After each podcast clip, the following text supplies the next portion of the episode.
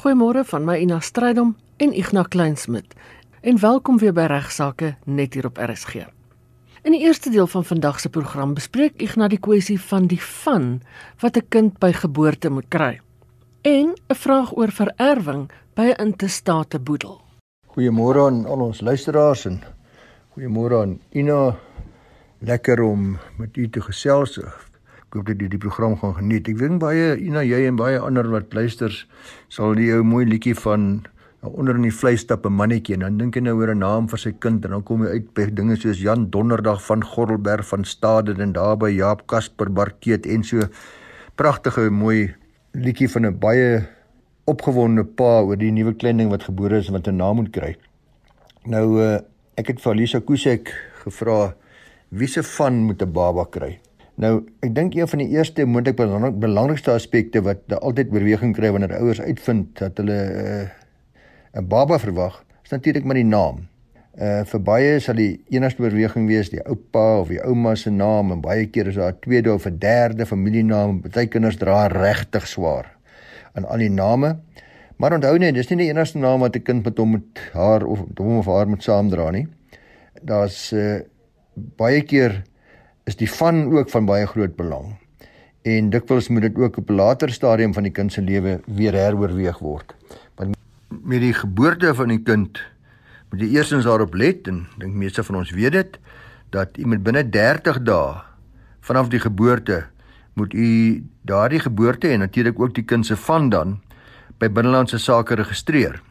Hierdie registrasie vind plaas in terme van die registrasie van geboortes en sterftes wet. Dis 'n wet 51 van 1992.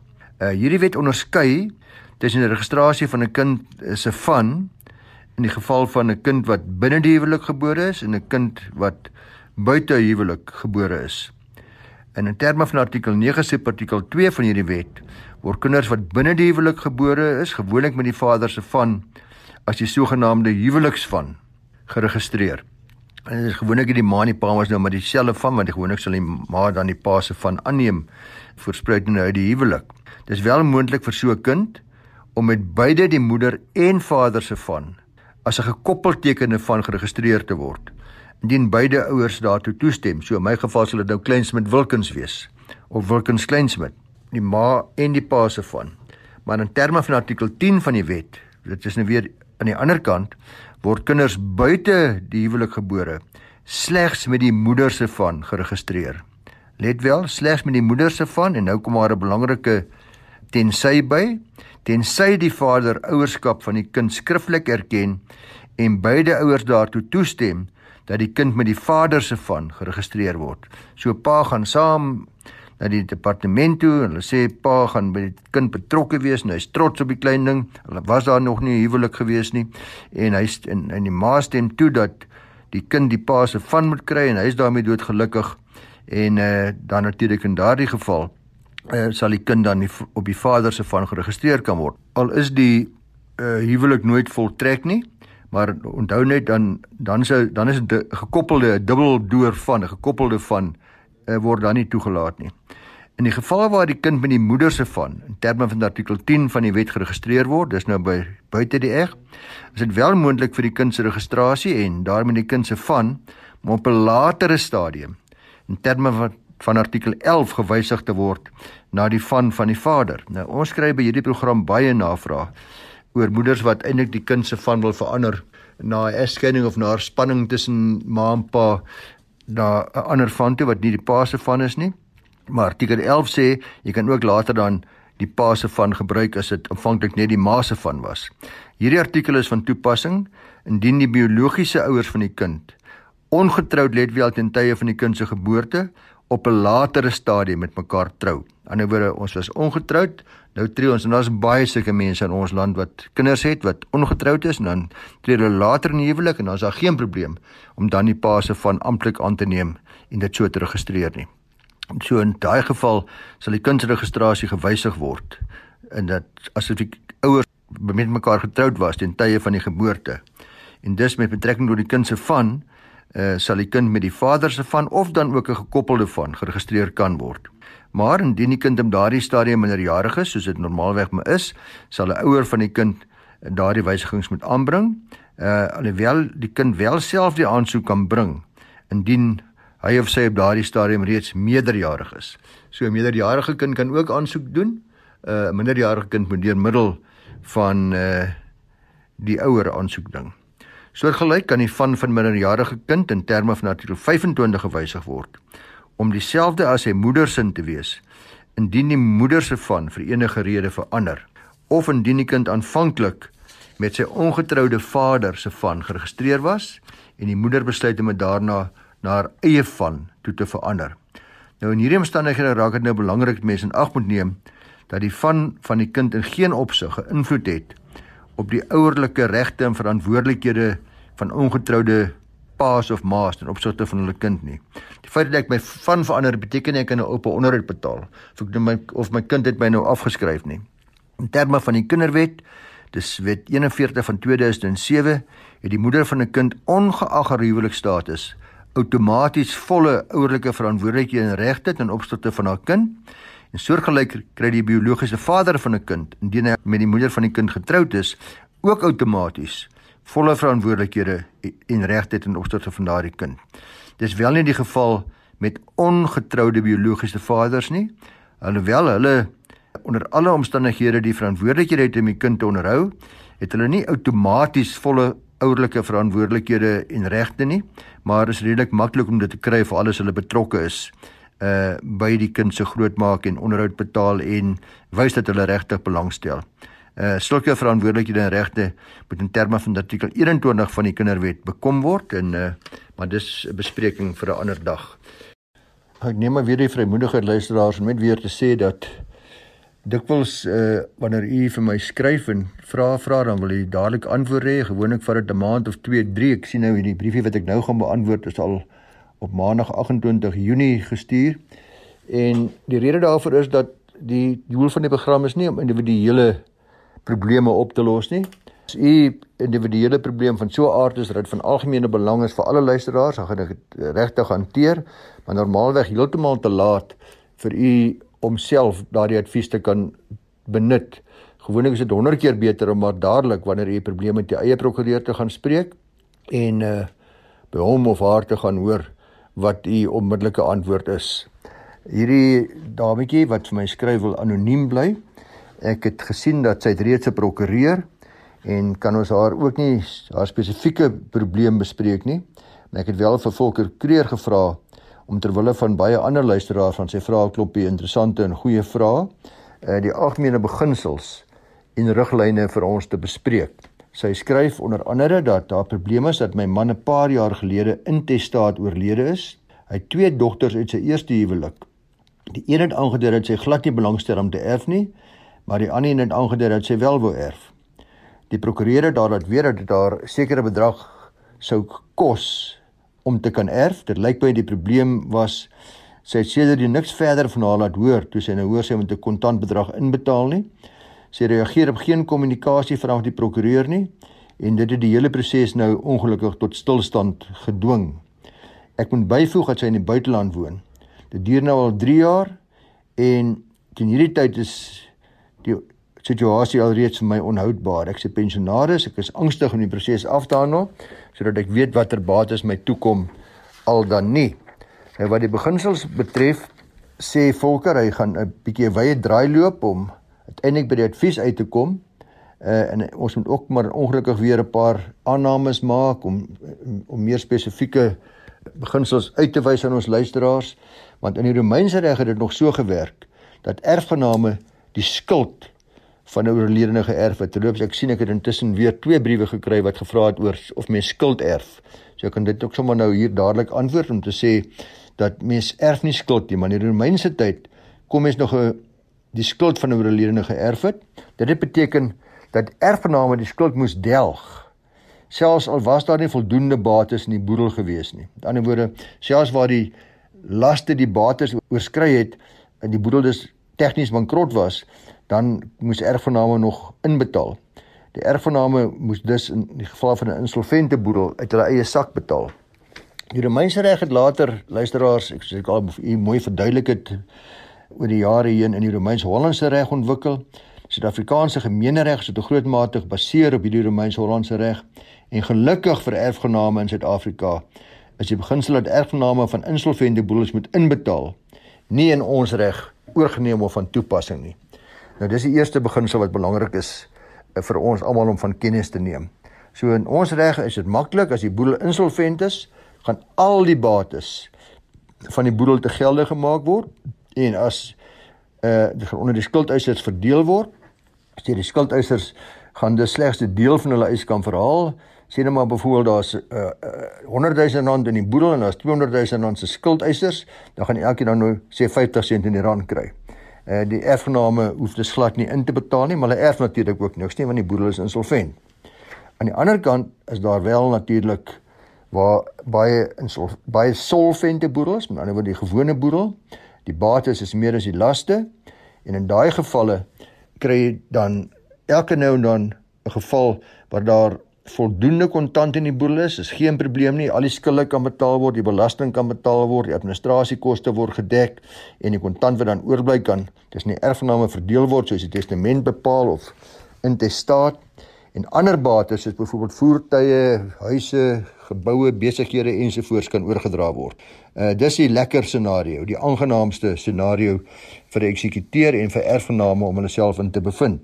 Maar wat die oorledene se huwelikstatus aanbetref, is dit ook belangrik in die geval van huwelik binne gemeenskap van goedere wat uh wat ek nou maar vaar ons luisteraar ook uh se posisie is, maar ook baie van u wat luister is die langslewende gade geregtig op die helfte van die gesamentlike bestorwe boedel. Nou wat vererwing aanbetref, skryf die wet op intestate erfopvolging, want hierdie persoon, ons praat nou verder oor intestate erfopvolging, uh, wat geld as die oorledene nie 'n testament nalat nie, uh dat die langslewende gade en die kinders dan in gelyke dele erf. Onderhewig daaraan dat die langslewende gade op 'n minimum van 250 000 rand geregtig is. Daardie bedrag verander van tyd tot tyd tans 250 000 rand. So die kinders gaan net erf as die netto waarde van die boedel beskikbaar vir distribusie meer as 500 000 rand is. Baie belangrike aspek wat mense soms dit nie aan dink nie omdat hulle uh, dit nie altyd mooi verstaan nie is dat daar's 'n wet op onderhoud van langslewende gades.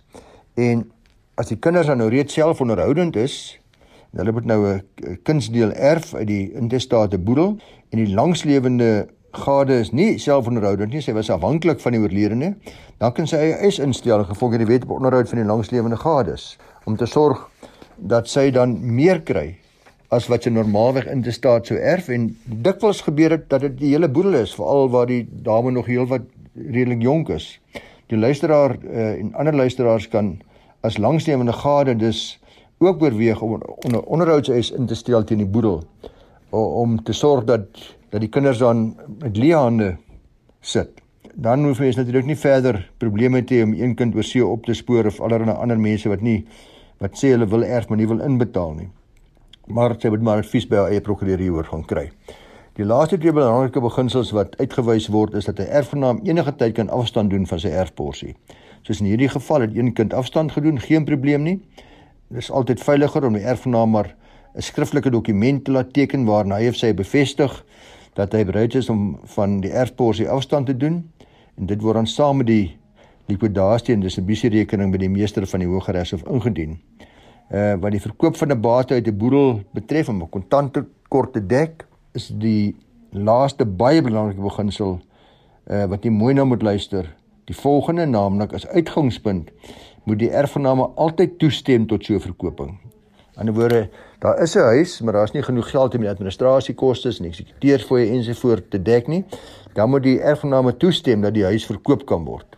Want dan kan die boedel anders kan die boedel nie afge uh, nie nie afgehandel word nie. Daar's egter 'n uitsondering. Indien die relevante erfgename sou weier om toestemming te gee, in hierdie geval is die een dogter in die buiteland en sy wil nou nie geld inbetaal nie, dan kan die eksekuteur ook die meester vra vir toestemming. So dis dikwels so dat dan sodra mense vir geld vra, sorry, julle moet elkeen nou 20000 rand inbetaal en dan gee julle die helfte van die huis se opbrengs kry. Dan het hulle nie die 20000 nie of wil dit nie inbetaal nie. Dan kan mense na die meester toe gaan en sê meester, ek het probleme. Ek wil graag toestemming hê. Ek kry nie een erfgenaam in die hande nie of hy of sy reageer nou al vir 2 of 3 jaar nie, soos in hierdie geval van ons luisteraar, en dan sal die meester toestemming gee dat die bates te geldig gemaak kan word en verdeel kan word soos wat dit uh, deur die intestate erfreg bepaal word. Uh, ten slotte uh, kan 'n mens in sulke omstandighede ook voorstel dat die ander stappe geneem word. uh, laaste poging om die afwesige erfgenaam op te spoor is altyd belangrik uh, sodat mense samewerking kan verkry. Mens kan opspoorders aanstel as jy wil. Prokureurs maak gereeld met groot sukses van opspoorders gebruik. En daar as dit onsuksesvol is en daar is 'n kontantekort, uh, dan is die aangewese staf om die aansoek in te doen by die meester, soos ek nou reeds gesê het, vir die verkoop van al die bates. En as mens vir die meester kan oortuig dat mens alle redelike stappe geneem het om hierdie toestemming te kry en dit was vrugteloos, dan sal die meester die aansoek toestaan. Nou daarna kan mens enige boedel afhandel. Daar's altyd planne wat mens kan maak om 'n boedel af te handel as daar al starrige of afwesige erfgename is. Nou, kan 'n werkgewer 'n werknemer ontslaan op grond van wat die werknemer na ure doen? En hoe gemaak as jy wil beswaar maak teen jou belastingaanslag? Kom ons sluit weer aan by Ignas. Baie van u, waarskynlik almal, het saam met my onlangs gekyk op die TV toe die grootskaalse plundering plase vind het by winkelsentrums. Ek dink ons was almal diep teleurgestel te wat in ons land gebeur het nou. Dink jouself nou in, jy kyk nou na die TV, daar te beklom mense rond, hulle plunder, hulle geen skaamte nie, oop en bloot, gesigte op die TV. Terwyl mens kyk, sien ek skielik tot my stomme verbasing een van my werknemers, sê net maar my besigheidsassistent bestuurder, loop ewe met 'n breë glimlag met 'n TV op sy skouer uit die winkel besig om saam te plunder. Nou hierdie soort van diefstalaktiwiteite het werklik baie buitengewone uitdagings geskep vir sekere ondernemings want baie van die beeldmateriaal het duidelik gewys dat daar baie werknemers herkenbaar was en die vraag wat gevra word wat ek vandag wil probeer beantwoord is kan 'n werkgewer werknemers dissiplineer deur hulle te ontslaan waar dit blyk dat hulle aan aktiwiteite deelgeneem het wat niks met die werk te doen het nie. Met ander woorde buite werkstye oor die naweek geplunder, gesteel, geroof wat ek nogal mense dit wil noem. Nou luisteraars, hoewel 'n werknemer gedissiplineer kan word weens wangedrag wat by die werksplek of deur die loop en omvang van hulle werksaktiwiteite plaasvind, uh, is dit volgens die regskenners van Cliff Dekker en Hofmeyer 'n baie bekende nasionale firma wat ook uh, spesialiseer op arbeidsreg dit oor die algemeen sê hulle CDA nie die geval waar die wangedrag buite die werksplek en werksure plaasvind nie. Hulle waarsku dat daar nie 'n algehele verbod is op wangedrag wat buite die werksplek plaasvind en dit nie altyd kan lei tot afdanking of dissiplinêre stappe nie. Maar onder sekere omstandighede het werkgewers wel die reg om werknemers te ontslaan vir wangedrag wat buite die werksplek en werksure plaasvind en dit sal volgens CDA die geval wees waar die wangedrag 'n negatiewe uitwerking het op die diensverhouding tussen die werkgewer en werknemer. Alternatiefelik indien die werkgewer 'n voldoende en wettige belang in die gedrag van die werknemer het. Nou CDA lig verder uit dat die Suid-Afrikaanse regspraak baie duidelik bepaal dat werknemers wel ontslaan kan word. Let wel, weens kriminele dade wat hulle buite die werksplek pleeg. Dis wel indien daar aangetoon kan word dat hierdie kriminele daad die werkgewer se besigheid of reputasie skade aandoen of beïnvloed. Hulle adviseer dat indien die werkgewer dit oorweeg om 'n werknemer te dissiplineer vir sy deelname aan aan daardie uh, stropery of onluste of wat ek nogal dit mag wees waar daar duidelik kriminele aktiwiteite mee gepaard gegaan het, dan moet die werkgewer oorweeg of hy 'n verband tussen die aktiwiteite en die diensverhouding kan vestig. Dit kan van baie faktore afhang soos die aard van die werkgewer se onderneming, die vlak van vertroue wat deur die werkgewer in die werknemer geplaas word, die werknemer as 'n werknemer van 'n onderneming geïdentifiseer kan word of dat hy met die onderneming verband hou. Klomp dinge wat moet gekyk moet word om te om te sê of uh die werkgewer of wel 'n verband was tussen hierdie aktiwiteite en my verhouding met hierdie werknemer. Hulle sê dis moontlik om hierdie verband te toon selfs waar die werknemer nou nie my uniform aangehad het nie of nie my naam iewers genoem het nie of nie 'n beeld van 'n onderneming aangehad het nie terwyl hy aan hierdie onwettige aktiwiteite deelgeneem het nie.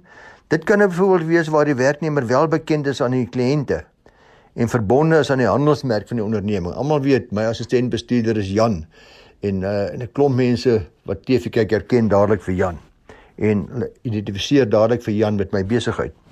Uh hulle stel die volgende voorbeeld, dis nou Cliff Dekker Hofmeyer. Indien 'n werknemer wat aan die aktiwiteite deelgeneem het in diens van 'n sekuriteitsonderneming in 'n kleinhandelwinkel is, dan kan 'n werkgewer natuurlik in staat wees om vas te stel dat die werknemer se deelname aan die onrus daartoe gelei het dat die werkgewer nie meer die werknemer kan vertrou nie. Dis baie duidelik. So hulle kom tot die gevolgtrekking luisteraars dat hoewel 'n werkgewer nie in elke geval die regstel kan vestig om dissiplinêre stappe teen 'n werknemer te neem vir onwettige aktiwiteite buite die werksplek nie en buite werksure gepleeg nie, sal dit hoofsaaklik van die omstandighede van elke geval afhanklik wees. My eie aanvoeling is dat ek dink baie van u stem saam as ek my werknemers betrap uh op TV waar hulle besig is om duidelik te steel, kan ek nie met daai oneerlikheid in my eie besigheid saamlewe nie en uh dink ek moet ons maar die hofpad loop uh, en kyk wat hy hof dan daaroor sê. Laastens vandag 'n uh, kort bydrae wat ek bietjie met julle wil gesels oor. Hoe kan ek beswaar maak teen my belastingaanslag? Uh by ons in ons uh, kommersiële reg afdeling ons daar 'n jong prokureur Janus Olivier wat kundig is hier en hy het my baie gehelp met hierdie antwoord. Soos jy weet, talle belastingpligtiges het hierdie jaar 'n outomatiese aanslag vanaf die Suid-Afrikaanse Inkomste Diens ontvang, SAID, ons praat van SARS. En dit kom al van 2019 af. Uh, maar was eers net toegepas op 'n beperkte aantal belastingpligtiges. Dit behels kortliks dat SARS so outomatiese aanslag uitreik gebaseer op data wat hulle van werkgewers en finansiële instansies en mediese skemas en uitreë annuïteitfonds administrateurs en so ontvang. En jy kan dan of hierdie aanslag aanvaar. In daai geval sal jy nie 'n belastingopgawe hoef te voltooi nie, aangesien SARS dit nou reeds vir jou gedoen het. Of jy kan jou opgawe aanpas indien SARS dalk nie alle relevante inligting gehad het nie en daar sekere gapings is En hierdie proses kan jy self hanteer. Dit is nou die sogenaamde in Engels die e-filing wat hulle van praat. Indien jy egter 'n fout op jou belastingopgawe gemaak het wat natuurlik tot gevolg hê dat jou belastingaanslag verkeerd is, dan kan jy steeds in terme van dit artikel 93 van die Wet op Belastingadministrasie aansoek doen om jou opgawe te wysig. Maar SARS sal dit net doen indien daar 'n redelike sigbare onbetwiste fout was. Dieselfde roete ook gevolg word indien jou opgawe reg was, maar SARS weer 'n onbetwisbare fout met jou aanslag gemaak het. Met ander woorde, artikel 93 is die regte roete beskikbaar waar daar ooglopende fout is wat jy gemaak het of wat SARS gemaak het. Maar indien die belangrike deel wat ek wil bespreek vandag, wat gebeur as daar 'n dispuut tussen jou en SARS bestaan? Hoe maak ek beswaar? Dit kan wees oor die interpretasie van sekere feite of die toepassing van die wetgewing op jou feite en op jou syfers. Jy kry nou 'n aanslag waarmee jy glad nie saamstem nie dan kan jy natuurlik 'n formele beswaar aanteken in terme van artikel 104. En so 'n beswaar moet uh, in die algemeen binne 30 besigheidsdae nadat jy die aanslag ontvang het ingedien word. Dit is belangrik dat jy die gronde vir jou beswaar moet mooi behoorlik en duidelik uiteensit. Uh, wat baie makliker is as jy natuurlik SARS se redes vir die negatiewe aanslag het en daarom maak jy 'n sesvoorsiening dat jy ook eers SARS se redes vir hierdie betwiste aanslag kan aanvra en hulle moet dit weer binne 30 besigheidsdae aan jou voorsien. Nou sodra die besware nou ingedien is, dan het SARS weer as algemene reël 60 besigheidsdae om jou van die uitkoms van daardie beswaar in kennis te stel. Nou baie dikwels is mense steeds ontevrede met die uitkoms, maar jy kan dan daarteen appeleer. Hierdie appel is nou na die belastingraad of dan die belastinghof. Hierdie proses word begin deur kennisgewing van appel in te dien wat ook weer binne 30 besigheidsdae moet plaasvind. Hierdie appel kan net voor die belastingraad of belastinghof aangewoord word indien jy en SARS so ooreenkom. En die belasting wat betwis word, moet onder 'n miljoen rand wees. Uh alternatiefelik natuurlik sal die appel aan die belastinghof aangehoor moet word. Uh die prosedure by die belastingraad onder 'n miljoen rand is baie meer informeel, by die belastinghof meer as 'n miljoen rand bietjie meer formeel. Dis maar belangrik om op te noem dat die tydperiodes wat nou vir u gegee het verleng kan word deur 'n senior SARS amptenaar as daar redelike gronde daarvoor is. Nou as jy nog steeds ongelukkig is met die uitslag van die appel deur die belastinghof, Dan kan jy weer appeleer hierdie keer na 'n volbank van die Hooggeregshof toe en daarna selfs na die Hoogste Hof van Appel. So as baie uh, wigte en teenwigte luisteraars wanneer mense beswaar maak teen jou belasting. Dis 'n duur proses. Jy moet seker maak dat dit die moeite werd is. Uh daar's voldoende meganismes in plek. Maar ek vermoed die realiteit is egter in die meeste belastingbetalers eenvoudig net nie die lus of energie het om deur al hierdie moeite van besware te gaan nie. Veral natuurlik waar die bedrag en die spied nie werklik noemenswaardig is nie. Groete. En ook van my kant af, groete tot volgende week.